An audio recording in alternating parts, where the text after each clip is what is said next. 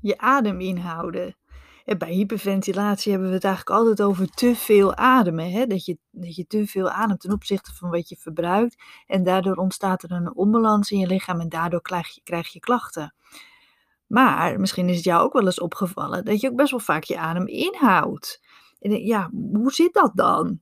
want dan adem je eigenlijk dus te kort, zou je denken. Waarom houden we onze adem in? Nou, als we dan ook weer eens teruggaan naar die oertijd, hè, waar onze angstreactie vandaan komt, dan is ons adem inhouden eigenlijk een manier van overleven. En je adem inhouden zodat de vijand je niet kan horen. Ook houden we ons adem in als we heel geconcentreerd bezig zijn. En je herkent het vast wel als je ooit een draad door een naald hebt willen halen. Je houdt dan eventjes je adem in, zodat je de beweging van het inademen niet hebt bij zo'n precies werkje. En misschien kijk je ook wel eens wintersport, hè? bijvoorbeeld biathlon. En dan houden ze ook hun adem heel kort in als ze schieten. En biathlon is het langlaufen en dat ze dan gaan schieten. En dan zijn ze helemaal heel buiten adem. Ze ademen heel zwaar. Op het moment dat ze schieten, houden ze heel even die adem in. En schieten. En dan, dan ademen ze weer heel, eh, heel, ja, heel. Dat zie je altijd heel duidelijk, omdat ze strakke kleding aan hebben natuurlijk. Maar ook als wij schrikken, bijvoorbeeld slecht nieuws krijgen, veel piekeren of hevige emoties ervaren die we liever niet voelen. En dan houden we ook onze adem in. En dat is wat er bij jou waarschijnlijk ook gebeurt. Je houdt je adem in als je geconcentreerd bezig bent of door stress.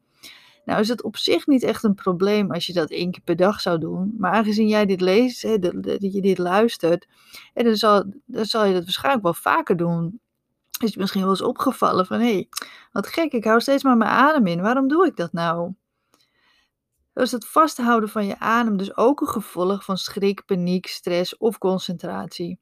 Maar ook je adem inhouden zorgt ervoor een schrik- en een stressreactie, waardoor je daarna gaat overademen. En na het inhouden, inhouden, inhouden van je adem, en wil je lichaam dit onbewust weer compenseren, en ga je vaak overademen of je neemt een flinke hap lucht. En die flinke hap lucht geeft vaak weer spanning op je borstkaspieren en middenrif.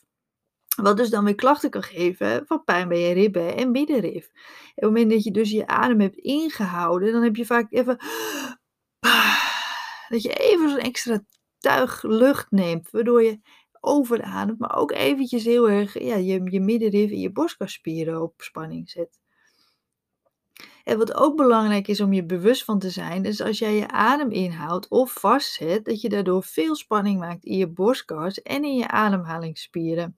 En je zult je borstkas aanspannen, je middenrif aanspannen, je buik trek je heel vaak in, je schouderspieren die span je aan, misschien zelfs wel je keel- en gezichtsspieren.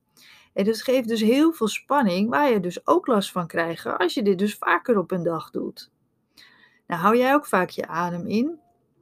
Hou dan eens een tijdje bij wanneer en waarom je dit doet. Als je een duidelijke voor jezelf hebt eh, wanneer je dat doet, bijvoorbeeld in welke situaties, en dan kan je het eerder doorbreken.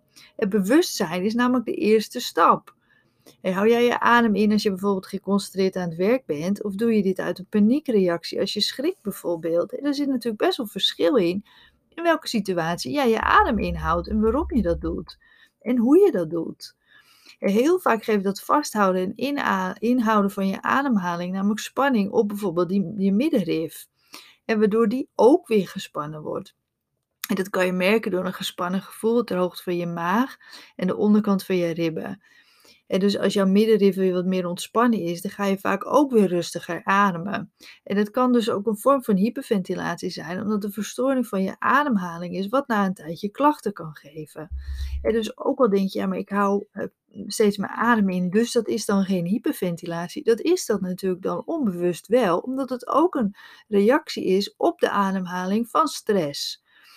Dus ik zei, hou het een tijdje bij. Probeer voor jezelf na te gaan wanneer in welke situaties jij dus vaak je ademhaling vastzet of dat je je adem inhoudt.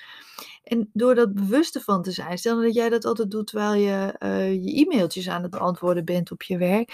En probeer dan heel bewust eens bijvoorbeeld goed rechtop te gaan zitten en, en ontspannen te zitten en of bijvoorbeeld hardop te gaan tellen of hardop te praten, hè, waardoor je moet ademen, waardoor je ademhaling niet vast kunt zetten. Heb je ook heel veel spanning op je middenrif, en dan is het echt aan te raden om wat met die middenrifspanning te gaan doen, dat je die leert ontspannen. Er zijn heel veel heel goede oefeningen voor en die ervoor zorgen dat je middenrif gewoon meer ruimte hebt, dat die wel ontspannen is, waardoor die geen klachten meer geeft. Nou, wil je daar meer over lezen? Dan kan dat allemaal op mijn website. Dat staat allemaal op www.hyperventilatiecoach.nl. En dan kan je bijvoorbeeld in die zoekbalk typ je in middenrif.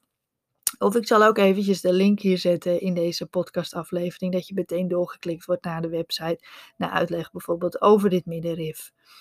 Nou, bedankt weer voor het luisteren. Ik hoop dat je er veel weer van opgestoken hebt en luister zeker ook naar een van de andere afleveringen.